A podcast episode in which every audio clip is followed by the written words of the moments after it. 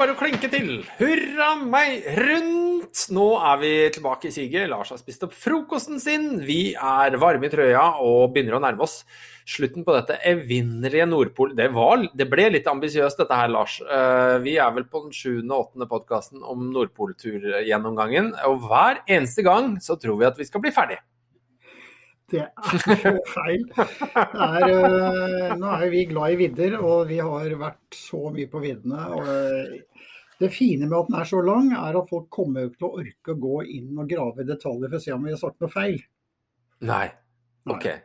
Men så det, blir den jo lang for at eh, Lars har både god og rik turhukommelse, og har jo alltid eh, Du har jo hatt en finger med i spillet av mange av disse turene her. Eh, Sånn som Du har jo skrevet, du har jo lagd de fleste bøkene i etterkant, men du har jo også, har jo også fulgt turene tett når de skjedde, og har, og har de nesten mistenkelig friskt i minne. Ja, jeg har jo vært med på alle tatt bildene og gått litt bak, øh, men litt diskré. Bortsett fra, bortsett fra Nordpol-sprint, verdens raskeste. eh, Da havna, da havna du litt langt bak. Da var jeg et var en- år i suppa.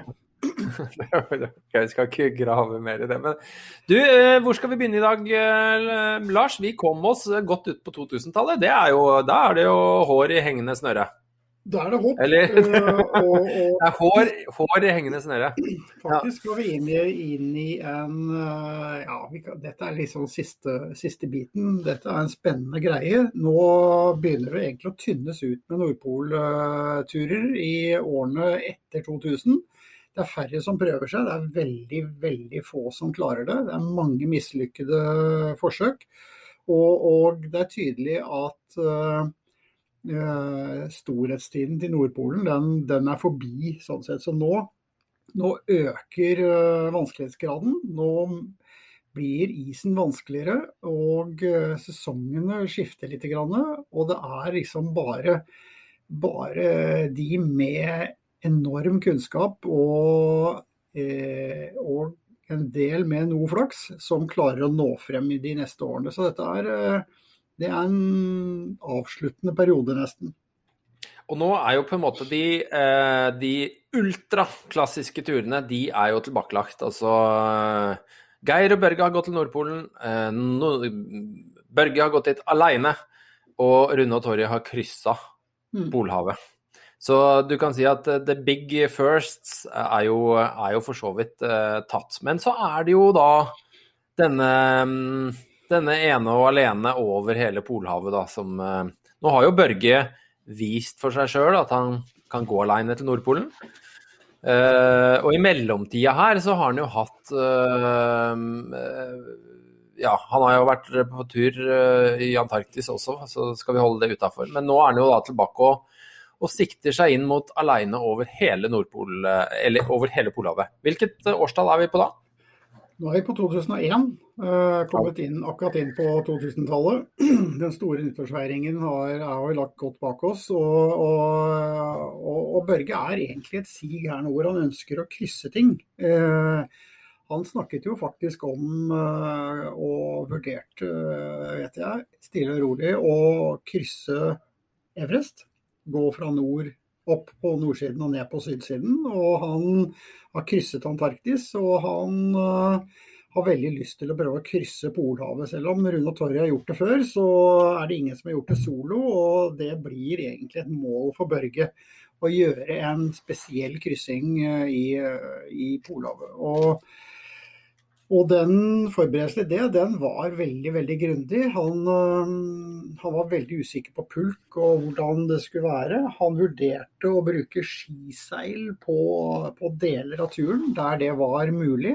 Ikke lett i skruis, men og i og med at han skulle det, så var han veldig avhengig av en pulk som tålte skikkelig mye juling. Så jeg husker den ble fylt opp med masse vekt, og så ble den sluppet ned på asfalt fra tre meter og sånn, for å se at den tålte juling i, i Polhavet.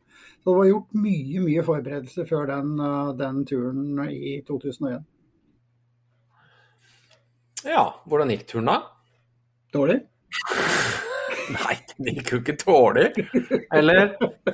Det, Nei, det, altså, det, det, det syns jeg blir eh, Det, det syns jeg blir eh, det, det, det, det blir feil, Lars. Den gikk jo ikke dårlig. Eller? Den gikk ikke bra, helt bra, da. Men eh, nå er du veldig empatisk igjen. ja, men altså, hallo, her har vi en mann. Han eh, går fra Russland til Canada, krysser over hele Polhavet. Ja. Eh, han overlever, og han har forhåpentligvis hatt en fin tur. Ja. Eh, og og, og, og, hva, skje, hva skjedde, Lars? Nei, Hvorfor var ikke turen optimal? eh, egentlig. Han, han starter for så vidt greit ut fra, ut fra Russland. eh, men etter en stund så begynner pulken å vise svakhetstegn. Og eh, til slutt så må han stoppe og reparere den. Borer sine hundrevis av hull og prøver å holde den sammen. Men den blir helt gelé, faktisk. Og det er ikke sjans til å fortsette. Så han da, må da få fløyet inn en ny tur, og dermed er hele der eh, unsupported, unassisted-biten ute av den turen, som jo var hans store mål. Å kunne klare å gå tvers over uten noe assistanse utenfra i det hele tatt. Så dette var en ordentlig skår i gleden, og en fryktelig, fryktelig nedtur eh, for han. Eh, Men det skal han ha. altså. Han reiser seg og og starter å gå videre på hva som er en helt avsindig lang tur. Altså. Det er Jeg tenker at det som jeg eh, er en av de kanskje store eh, prestasjonene her, altså det er litt sånn, sånn som jeg kjenner Børge. altså du er, Han er opptatt av god stil og gjøre det på den måten, eh, den riktige, riktige måten. Eh, og, så, blir det jo den situasjonen som du sier. altså Det på en måte å rekalibrere motivasjonen sin eh, og ta, altså i hans øyne, antageligvis da turen ned et bitte lite knepp sånn prestisjemessig. Eh, og så altså er liksom Ja ja, men kan folk si ja ja, men vi ble jo fullføre turen. Men altså, det er eh, Det er enormt. Altså, det er nesten så jeg kanskje blir litt overraska over at han ikke eh, la inn årene og bestemte seg for å prøve på nytt året etter, fordi at han følte at så mye med gleden og, og greia med turen var over.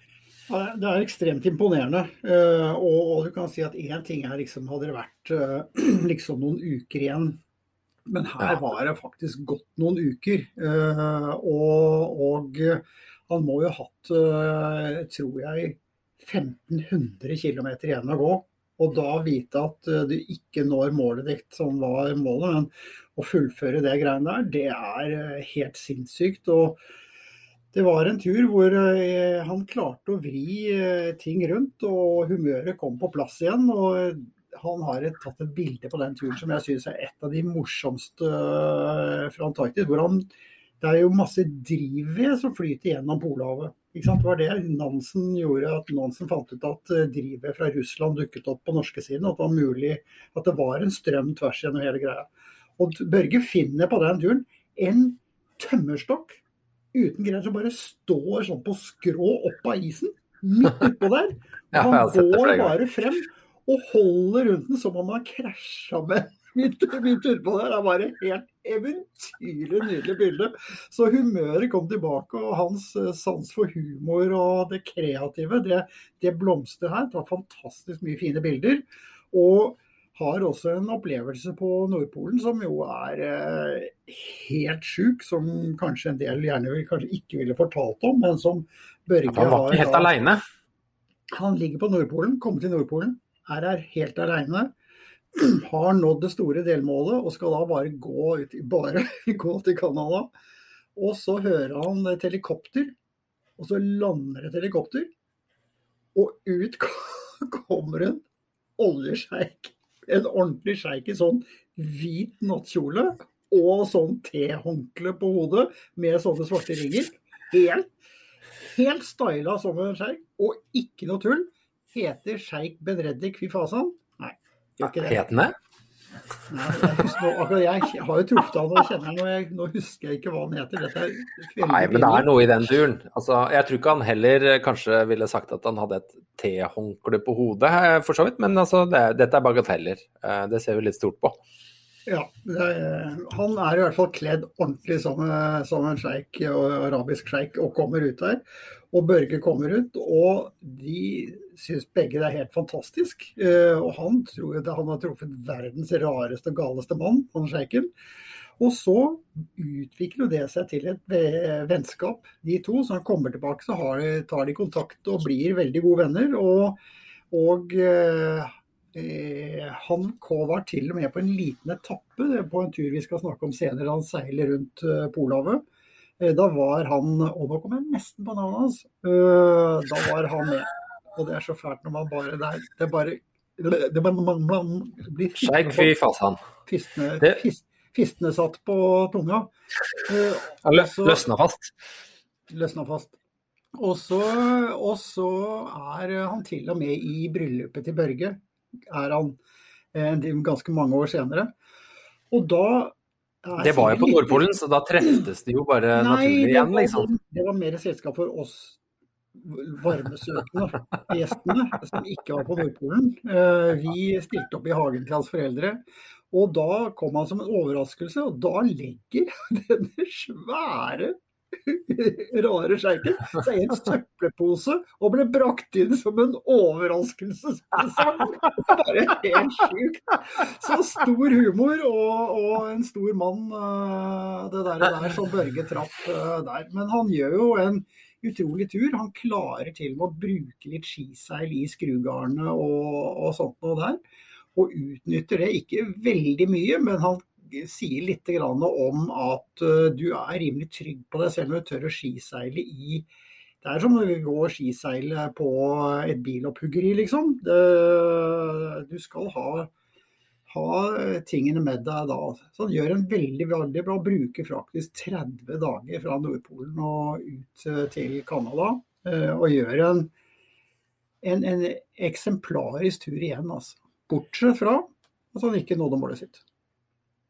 Ja, la oss ikke rippe mer opp i det. Nei, helt enig. Gigantisk tur. Eh, Da er vi jo Da er jo enda en av gigantturene egentlig tilbakelagt. Da er det jo bare eh, tull og fanteri igjen. Ja, det er tull og fanteri. Vi sier det er jo ingen, ingen som har tatt uh, Polhavet alene og uten etter assistanse enda, den, og den tror jeg kanskje kommer til å bli stående for alltid. Vi jeg vet at sånn som Bengt og andre har hatt lyst på den, men det er vanskelig å få til. Det er veldig vanskelig logistikk på det. Uh, du skal være ekstremt flink for å klare dette her, så det, det har jeg ikke. Så da er vi jo på 2002, og da er det mer uh, da er det våre litt sånn svenske flagget. Det er våre gode venner eh, Tom og Tina, for de som har hørt den spinnville podkasten med å dra til Mars. Så det er, da har de den turen. Så den sier de litt, så vi skal forbigå den i eh, stillhet. Men det er altså et av de største miraklene i Ja, at, at, det gikk, at det gikk bra, liksom. At de klarte det. Det sier de jo sjøl. At det var, det var liksom stang inn, og ikke ut. ut. Totalt, altså. Hvordan han ligger halvskadd inne i teltet, og hun har omtrent falt i en råk på utsiden og klarer ikke å komme opp. og Jeg mener, det, er liksom, det er ingenting som ikke skjer. Men de har altså den greia. Det er ikke lov å si noe negativt. De bare skrev de negative ned på små lapper, og så tok de opp den der bagen med håpløshet etterpå. Øh, og kom, Ja. nei, de to, altså. Eventyrlig. Så, men ferdig med dem. Så er det jo Hvem kan vi snakke om nå, da?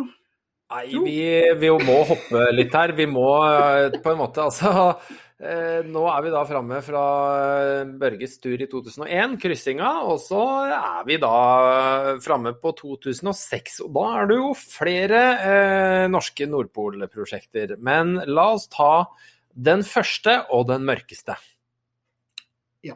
De Det var liksom en, det var liksom sånn intro. Du skjønte hvilken tur jeg prata om nå, Lars? Ja, jeg skjønte Den, mørke, den mørkeste. Mørke. mørke. Ja. Altså det, det er jo eh, de som startet sesongen, for å si det sånn. Børge Altså, egentlig så, ja. egentlig så burde vi hett ikke Tur og tøys, men Børge-podkasten. Eh, Ja, Fordi det er jo Fy søren. Det Han er betaler, han betaler oss godt, da. Han betaler oss godt. ja, ja, fy søren. Ja, ja, det, det skal jeg ikke si noe på. ja, men det er klart, det er som du sier, når vi lager Nordpol-gjennomgang, så blir det, det blir mye Børge. Vi får land, prøve å lande litt, litt mer fred i framtida, men eh, nå er vi jo da på ny tur. Og nå er han jo ikke aleine. Nei, nå er han ikke alene. Nå er han sammen med Mike Horn. Og det er nesten det mest Det er like banebrytende det som å gå på vinterstid i, i bekmørket til, eh, til Nordpolen. Så er det det at han, han timer opp med Mike Horn. Og det er egentlig det, det interessante der at det er det som egentlig definerer og, og setter på kartet hvor ekstrem Børge er i, i det å nå sine mål og sånt noe, som jeg tror han han går omtrent alle andre en høy gang, for alle andre er sånn uh, uh, Vil gjerne gjøre det med en god venn, og noen de er glad i å stole på, og alt det, dette her. Børge går etter den han mener utfyller seg selv best. Er tror jeg det mest annerledes. Tror jeg det er et bombefly over uh, studioet ditt. Ja, Nei, er helikopteret mitt, som- helikopteret mitt som Nei, kommer heli- og plukker opp. Det, Ja, men det Privathelikopteret ditt. Ja, ja. ja, det er ett av dem. De flyr rundt her hele tida. Altså. Det er så slitsomt. Ja, det er bra. Ja, nei, Ja, jeg, men det, jeg, er det er jo, det er jo akkurat jeg er helt enig. Og Det er ak- Nå har vi koordinert. Eh, Børge har jo sagt dette her eh, flere ganger. Han prater jo om det i eh, både altså skriver i boka og foredrag også, ikke sant. Med hvorfor, hvorfor Mike. Altså, det er jo nok av dyktige, erfarne turfolk i Norge. Men utgangspunktet her var jo at han, sant, dette var en tur som medførte noe helt nytt. Og, og Børge sier jo i hvert fall sjøl at han ønsker på en måte å, å ha komplementære problemløsningsevner. Altså hvis, hvis han var såpass erfaren eh, med sin erfaring, og hvis han hadde med en som på en måte kanskje har lært mest av Børge, så var det egentlig bare ett hode som tenkte. Eh, så, men med Mike, som har en helt annen bakgrunn og en helt annen kultur, og, og, og, og egentlig ganske ja, eh, ikke ukjent, men i hvert fall ikke i nærheten av samme erfaringsnivå på, på, som, som Børge, så var det to reelle problemløsningshoder som var sammen på tur. Så det er, det er, dristig tenkt. Og så har han sikkert eh, eh, evaluert dette her i både den ene og andre retningen i etterkant. Men det er ganske Det er sånn eh, Det er kult. Kult. Det er og det er drittig. veldig. Jeg syns det er noe av det mest spennende med den turen der, er eh, det å få Vi, vi ristet jo på hodet da vi hørte det, men det er én ting. Mike er nådesløs på å nå mål. Og det må du være på noe sånt som det der, og du må ha kontroll på huet ditt. Og de skulle da slippes av på Kappaver Tsjetsjkij i bekmørket og begynne å gå. De altså startet jo i, i januar, og det er liksom mer enn en måned før folk vanligvis starter. Med små LED-lamper og gikk ut på isen der, og du ser bare en tre-fire-fem meter foran deg, og det er skrugarder, og det er råker, og det er bjørn, og det er spor, og det er utrolig vrient. Altså. Så dette her var en tur som igjen eh, løftet barn på hva som du kan sette deg mål, og, og er altså ordentlig ut på dypt vann, altså.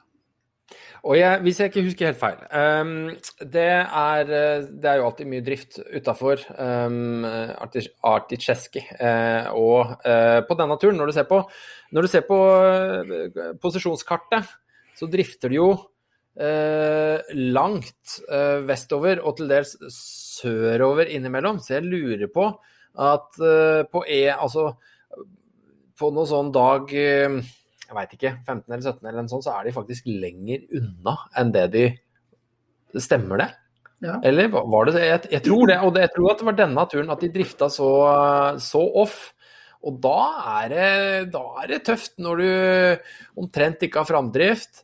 Du ser fuel og matlager svinne, og turen endte vel på noen og 60 dager, ble det ikke det? Det er jo en lang, Det er over 60 dager. Og, Og det tok, jeg tror det tok tre uker før de begynte å få ordentlig drift uh, i riktig retning, rett og slett. Så det, og det sier litt at da skal du være sterk i huet, og det tror jeg sånn sett så var det å ta Mike, uh, som er et råskinn på alle måter, uh, der, der, kom det til sin rett.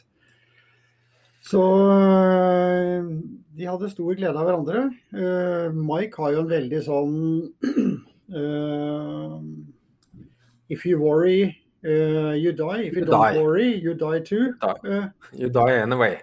You die anyway. Uh, litt sånn happy go lucky-innstilling. En rimelig avansert happy go lucky-innstilling til det meste og sånt noe. Og Børge er jo akkurat det motsatte. Og han var jo veldig sånn Borge, don't worry, don't worry, you must not worry so much, bla, bla, bla.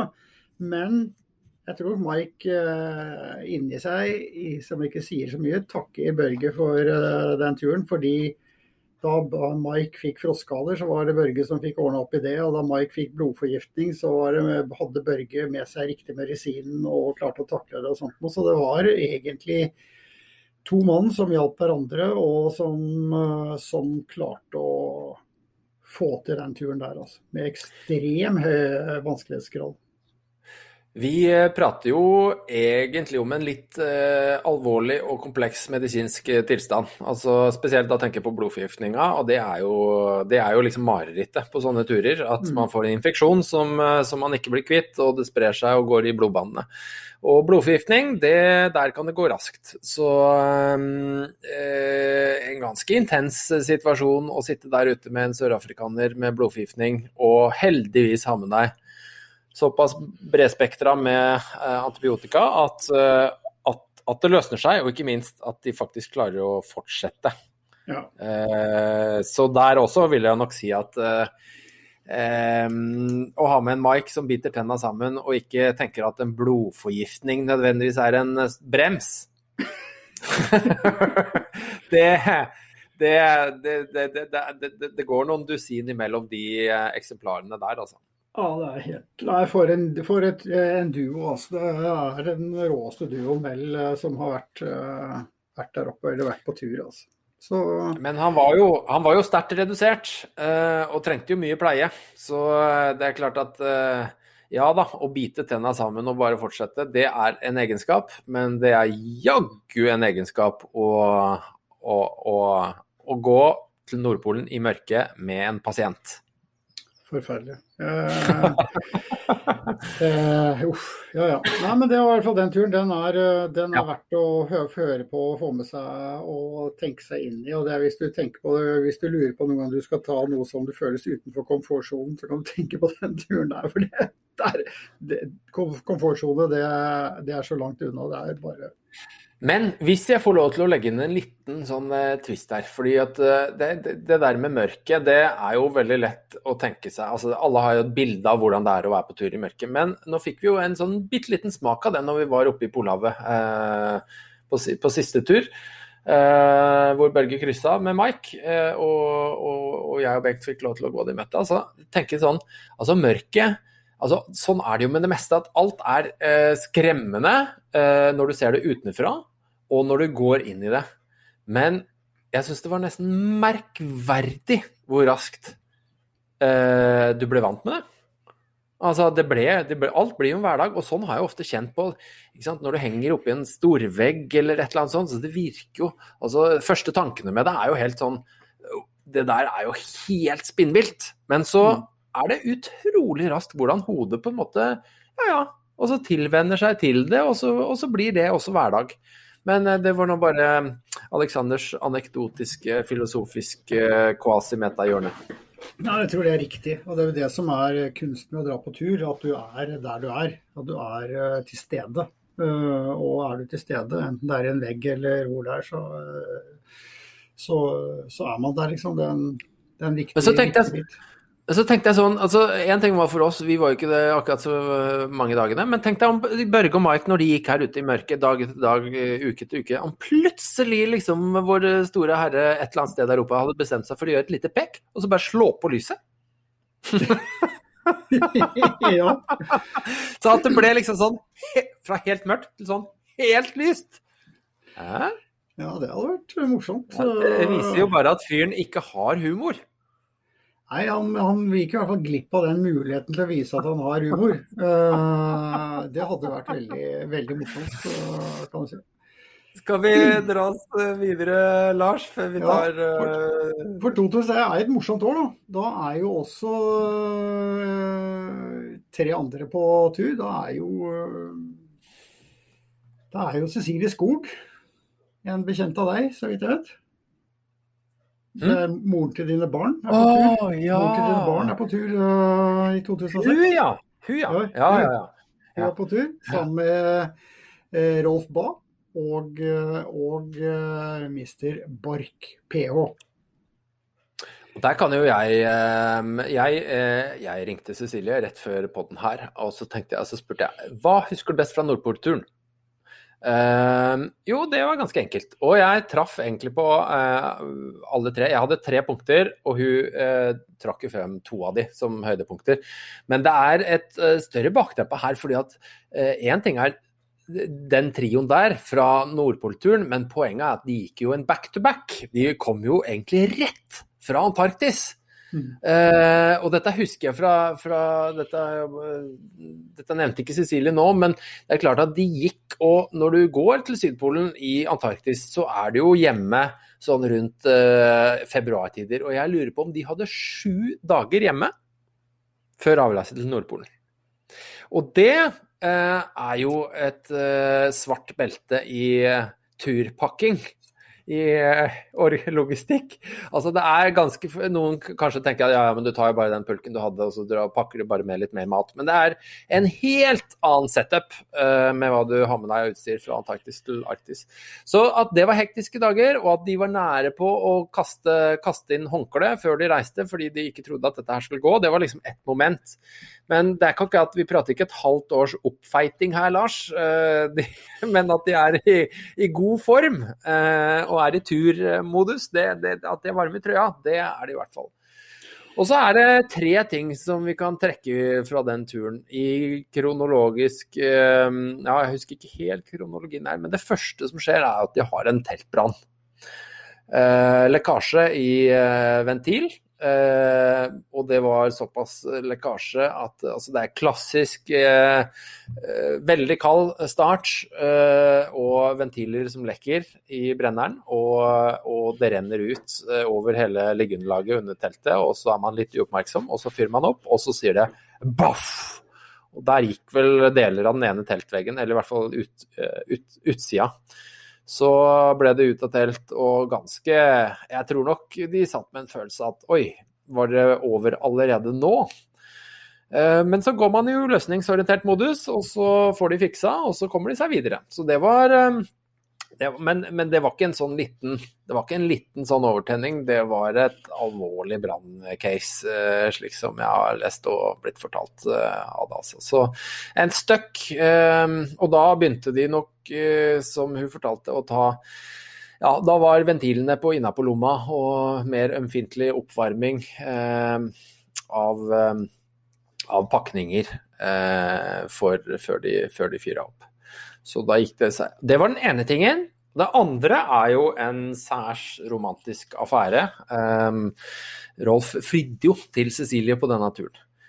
Uh, og slik hun fortalte det, så er jo De går jo altså de går, Det er kaldt, og man holder jo tett sammen, men så hadde nok uh, Rolf da planlagt dette her uh, godt. Og lot PH få lov til å Og Per Henry, altså. Lot han få lov til å sige litt i i, i, i, ja, i framover, og så, hadde Rolf venta litt bak en iskås og tvinna en uh, ståltrådring. Og, og, og, og, leverte da, må jo si kanskje sånn på topp uh, top ti-lista over mer, mest eksotiske frierier.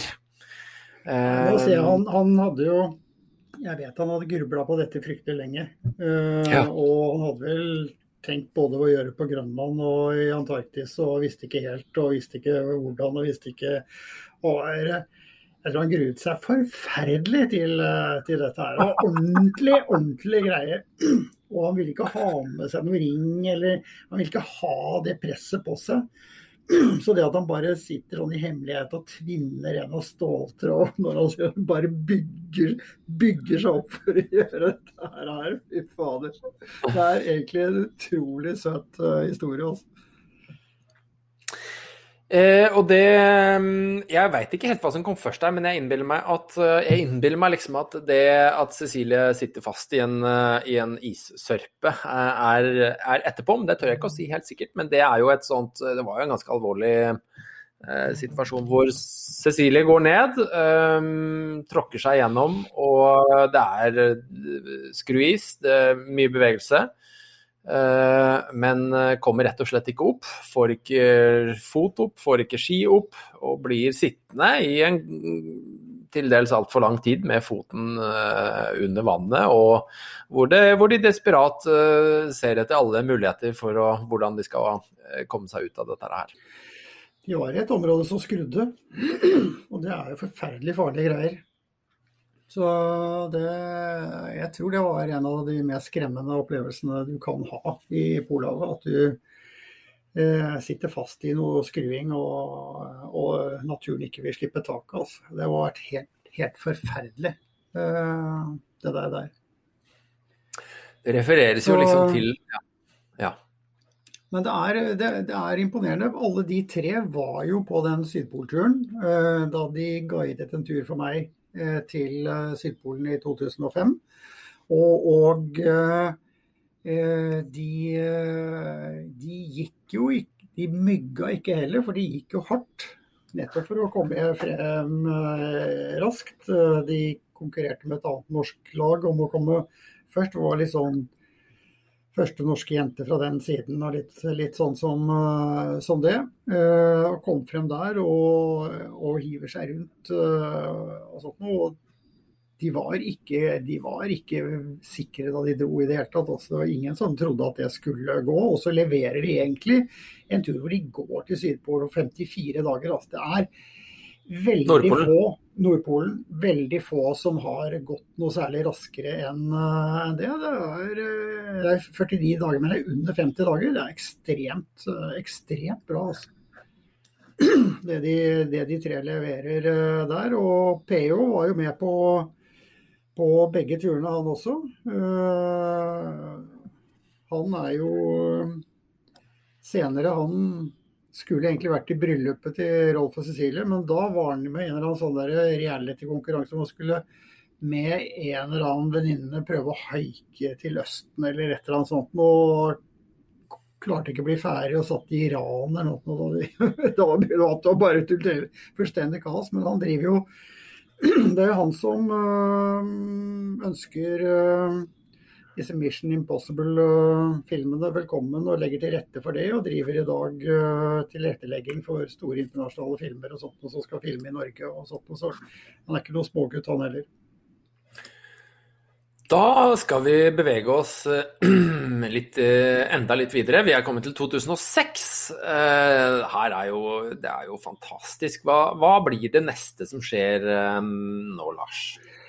Ja, det, det er, det er, flere som går til Nordpolen det året der. Eh, Webber, som vi snakket om tidligere, han har en rask tur hvor han prøver å gå på, eh, på truger. Eh, jeg tror han Vik prøvde å gå på truger for å sette en rekord, men ble slått grundig av Rolf og Cecilie.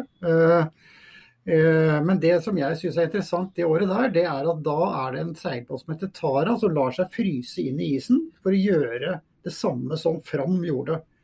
Og Eh, Fram eh, var vel tre år i isen da de eh, lot seg fryse inn i 1893.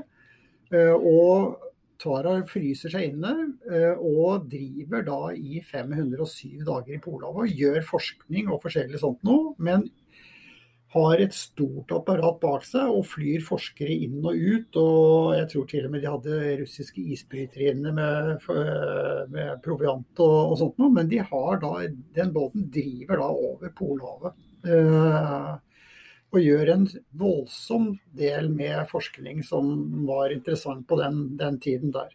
Eh, og Tara er jo blitt en kjent seilbåt for alle som vet om forskning, både i Antarktis og Arktis og, og mange andre steder. Så den, eh, det er blitt en unik båt og en unik tur, det der, det der, der. Men drev jo utrolig mye fortere enn en, Fram. Og der var det en, en nordmann om bord. Der var det en nordmann. Audun Tolsen var, var med der. Jeg vet ikke om han var med hele veien, men det var i hvert fall litt utskiftning av mannskapet og folk som ble fløyet inn og ut og sånn. Men det, det, vi hadde en norsk mann om bord, så det er veldig, veldig moro. Og, da legger ja. ja. Nei, det, da var jeg bare på, Da skulle jeg si da legger vi 2006 bak oss. Så. Merker du at jeg har sånt uh, har framdrift, framdriftsorientert her nå? Driv, veldig bra driv her nå. bare lyst til å nevne sånn, så skjer det egentlig ikke så veldig mange, mye på en del år. Uh, men så kommer vi til 2000. Det er en fyr som heter John Houston, som kanskje en del kjenner til. Uh, han er en ordentlig norgesvenn. Og han, han krysset sammen med en kompis som heter Tyler Fish i 2009. Og de gjorde en veldig veldig solid og bra tur fra Ward Hunt eh, og, og inn. Og han, de var eh, syntes det var så fantastisk at etter turen så dro de faktisk til Norge og hadde pressekonferanse og avslutning på Fram i Fram-museet. Så det, det, var veldig, veldig moro. Han har hjulpet utallige nordmenn eh, senere, både til eh, som skulle prøve seg Polhavet, men også som skal på tur i Canada. Han er jo kanadeser selv. Hmm. Ja. 2010. Ja, vi må nesten ta med den. Den er vel ikke helt i vår sjanger, men uh, i og med at vi har tatt med Tara, kan vi jo ta med 2010, kan vi ikke det? Jo, det tenker jeg at vi kan nevne det ikke en bisetning, men vi må, vi må jo, det er jo, det er jo en det er jo, det er jo en first uh, av rang. Ja, dette er egentlig en, som, som, vi innledet med, dette er jo den tiden hvor, hvor Polhavet begynner å vise, uh, gi oss klare tegn på hva som er i ferd med å skje. Uh, det har jo skjedd helt siden egentlig veldig mange år. I starten så gikk man på ski hele veien, og så begynte man med med svømmedrakter, og så begynte man med kajakker som pulker. og så det, Man har jo sett en fryktelig eh, endring i isen der oppe. Og i 2010 så har Børge egentlig sittet i flere år og ventet på isen, for han har hatt lyst til å seile rundt hele Polhavet, hele polbassenget, eh, med både nordøstpassasjen og nordvestpassasjen i én sleng. Begge har vært seilt men aldri samme år. Og i 2010 så ser man at isen sannsynligvis gir muligheter for at dette kan, eh, kan skje.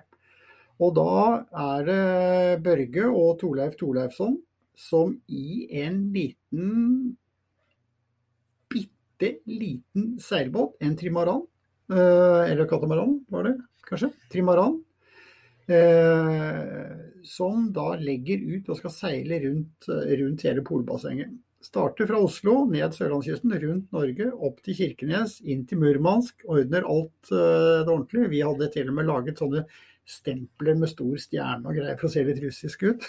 det er veldig morsomt. og, uh, og, eh, og, de har da fått tillatelse til å gjøre hele denne turen og ta hele Nordøstpassasjen, men ikke lov til å gå inn til land, eh, tror jeg de ikke hadde lov til. Det var bare seilbåt og en liten påhengsmotor, og, og seiler da og har da Strikkmotor, det år? Ja, omtrent eh, sånn. Må inn til land en gang i får faktisk gå en liten landkjenning i, i Russland underveis, men kommer seg rundt uh, og seiler da hele greia. Det som er det spennende her, er jo da at de har jo Tanken deres var at de skulle ha en så liten båt de kunne trekke den opp på isflak og komme seg unna hvis det ville prøvd trøbbel og bråk og, og sånt noe. Men samme år er det da russisk, en russisk seilbåt som skal prøve da å gjøre det samme og slå da Børge. og Det, er en stor russisk båt med stålskrog og to store dieselmotorer. Og de to båtene er altså helt sånn leder på holder helt tritt med hverandre, den ene foran den andre. Ufattelig spennende greier hele veien gjennom Nordøstpassasjen, ned gjennom Beringstredet, inn i Nordvestpassasjen, gjennom Nordvestpassasjen, ene litt foran den andre, ut i fritt hav. Og så eh, er egentlig Børge og de foran. Da hadde den store skader og sånt noe, mens Børge fortsetter da ned Grønland.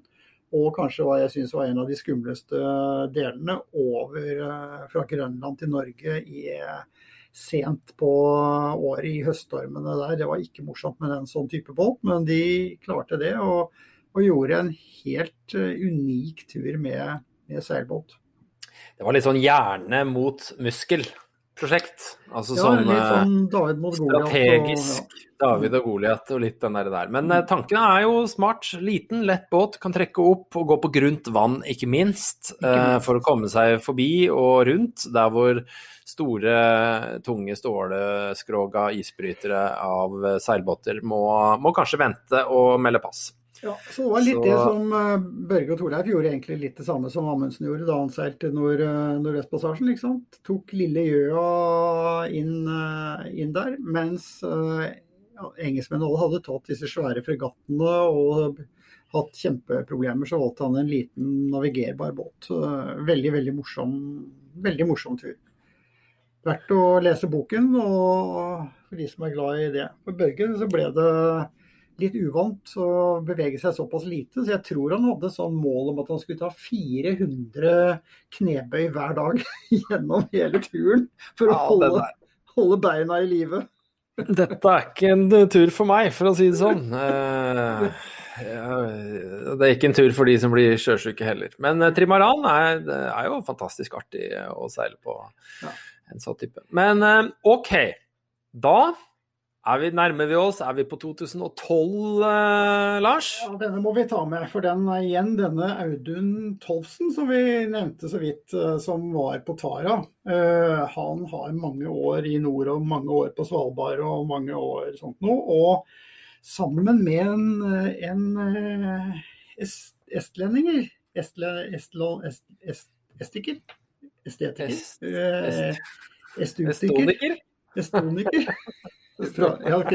Timo fra Estonia Ja. det- eh, fra Estland. Eh, Ja.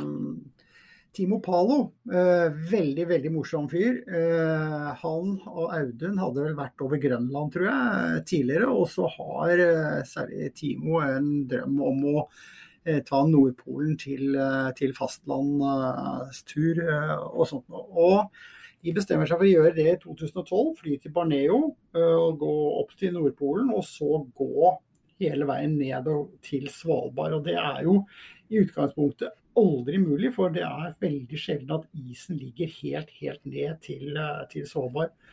Men det, det er målet til de to gærne gutta der. Og så, så tror jeg Timo som sitter da og fikler med dette her og holder på med værrapporter og værsykluser og kommer og går og tidsperioder og bølger og sånt, og så ser at det er på vei inn i et værsystem. Og når det værsystemet slår til, så blir det mye østdrift, østadrift. Og, og det, da pleier isen å legge seg ned til, eh, helt ned til Svalbard. Og de tar en sjanse og gønner på nedover der, og har ikke noe tro på Ingen har noe tro på at dette skal gå. Alle, er, eh, alle sier at dette er galskap og kan ikke gå, kan ikke gå. Men den legger seg faktisk, og de klarer med eh, kajakkpulker å og padle og komme seg fra isen og fra eh, pakkisen og på islig underlag over til Svalbard og går til Longyearbyen. Helt, helt utrolig tur, altså. Det er jo liksom sånn Det er jo sånn fantastisk sjarm i det. At uh, når du kommer til fastland, så fortsetter du, og så går du til eh, puben i Så går du til puben, du går til byen. Ja, det, det, det, det. Og det der er en tur Jeg skal ikke si at jeg har drevet og planlagt det, men jeg husker vi har drevet og sett på fordi at det er ingen som hadde gått til eh, Svalbard før. Eh, og det er det jo en grunn til. Uh, jeg har jo sjøl flydd over der flere ganger og sett at det er normalt ganske langt fra Flegenhuken. uh, spissen av Svalbard og, eh, og opp der hvor is, iskanten Også ikke minst, is er jo ikke bare is, men dette er jo gjerne et komprimert komprim, kom, komprimeringsområde. Så sånn at her, når isen når fastlandet her, så, så blir det ikke akkurat en skøytebane, for å si det sånn. Så det er et eh, komp komplekst eh, Hvis isen går inn, så vet du at eh, den, den vanskeligste etappa står igjen til du da står på. Så det der er, det der er en av mine favoritter liksom. Altså litt sånn litt undercover og litt sånn Ja, det handler om timing, og du treffer, og de går ender opp med å gå svinraskt. Og jeg kjenner jo ikke så godt til hvordan selve turen gikk osv., men det er etterdønningene av den der, det er, det er kult. Det er mange, ikke mange som kommer til å gjenta det der. Den burde hatt mye mer plass i, i helheten enn det den har fått, syns jeg. Altså, for det er en veldig, og det er kult, for det er liksom ikke to gutter med ekstremt mye den type erfaring. Jeg hadde gått over Grønland og litt sånt noe, og, og Yngve har jo vært oppe i isen og sånt noe. De er da såpass uerfarne at de allerede helt i starten så er det liksom én kajakk som får en skikkelig smell. Og det kunne vært slutten på turen. Så får de reparert den. Og så justerer er de gutta smarte nok. De justerer seg inn, forsiktigere med utstyret, legger om taktikken. Klarer å komme seg videre, bruke det utstyret og virkelig leverer noe på et ekstremt høyt plan. Altså det, det, er en tur som jeg gjerne skulle hørt eh, en av de gutta fortelle om. Jeg har bare truffet uh, Timo, hørt han fortelle, og han er i hvert fall mer enn morsom å høre på. det er ja, ja, vi får si fra. Får uh, sette han på gjestelista over uh, tur og tøys når vi en gang blir ferdig med denne Nordpol. kronologien, samlingen. Ja, ja, vi får gjøre det. For da tar vi uh, Vi kan jo be han til aulaen og be han holde et åtte minutter foredrag uh, sammen med de andre. Kom opp fra, fra nå er vi, nå er vi Sigurd Lars. Jeg ser nå at vi kan uh, Nå ser vi slutten her, for så vidt. Altså, vi, vi skal hoppe da til Hvor skal vi hoppe videre? Nå er vi jo på Innafor det siste tiåret nå er det veldig, veldig få ting som skjer. Og egentlig nå skal vi over på det som er den siste registrerte turen fra de som har gått fra fastlandet til Nordpolen. Eh, det er i 2014. Siden det har ingen klart å gjennomføre den turen. Og Det sier litt om vanskelighetsgraden og problemene ved, ved dette her. Og Da er det Ryan Waters og Erik Larsen begge veldig kjente eventyrere. Ryan uh, har jo hatt et fotfeste i, i, Norge og er mer Everest-klatrer og har mye Everest-turer. Og mange nordmenn som bruker å få hjelp av han til å dra på tur. Og Erik Larsen er liksom en av de store amerikanerne som, som har gjort mye Antarktis og mye Arktis og, og sånt. Og de går da sammen fra uh, Cape Discovery. Ikke fra vår NTM, men Cape Discovery der Rune kom inn. Rune og Torre kom inn. Og så går de da til, uh, til uh, Nordpolen i, i 2004. Og det er fantastisk, men samtidig må jeg si at dette er en av de turene som viser at eh, du skal ha litt flaks. Altså. For de gutta jeg vet at de hadde med seg blytunge pulker og mye. og De skulle blogge og sende bilder og være stjerner. Og eh, de kom jo ikke av flekken. De gikk alt, alt, altfor sakte. Og samme året så vet jeg nemlig ganske mye om det Polhavet, bortsett fra at jeg hadde litt kontakt med gutta underveis så skal både Bengt gå solo fra Nordpolen til Canada for å trene på, med tanke på et større polhavsprosjekt. Og så Erik Philip skulle ha en guide en gruppe fra Nordpolen til Canada. Og, og det går kjempefint, inntil plutselig Polhavet snur. Ja. Polhavet snur. Og normalt står jo alt og stanger mot Trump. Og så snur Polhavet og begynner å drifte mot Polhavet. Og mens Erik og Bengt og de på den veien, de var som å stå på feil vei på sånn rullende fortau, ikke sant.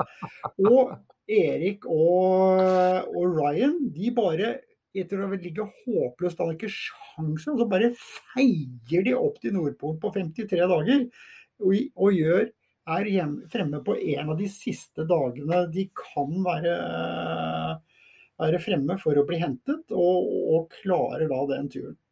Helt eventyrlig. Men det sier litt om at du skal ha litt med deg for å få til den turen i disse dager. Altså. Ja, det er stang inn, stang ut. Man kan uh, trekke det. Men det er klart at uh, det er for å dra det tilbake til Amundsen, altså flaks venter den som har ting i orden, osv. Altså, det er klart at uh, erfaring og kompetanse og fartstid, det gjenspeiler ofte at man har litt bedre odds og litt bedre såkalt flaks. Men av og til, sånn som her, så, så, så Men hvordan gikk det med Bengt og Erik, måtte de kaste en håndkle? Jeg skal si, bare si litt at de, det, viser med, med, Ryan og Erik, da, det er at du, du skal ikke gi opp ikke før du må.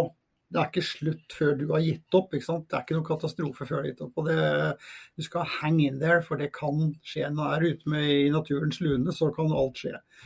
Eh, Bengt og, og, Erik de ble jo veldig forsinket, og de kom jo ikke frem. og Bengt gikk jo veldig sterkt og sånt noe, men kom jo ikke mer enn 12-13-14 km av gårde per dag, og skulle, jeg måtte ha mye mye mer. Og gikk jo sannsynligvis 25 km per dag, men driftet så enormt mye bakover.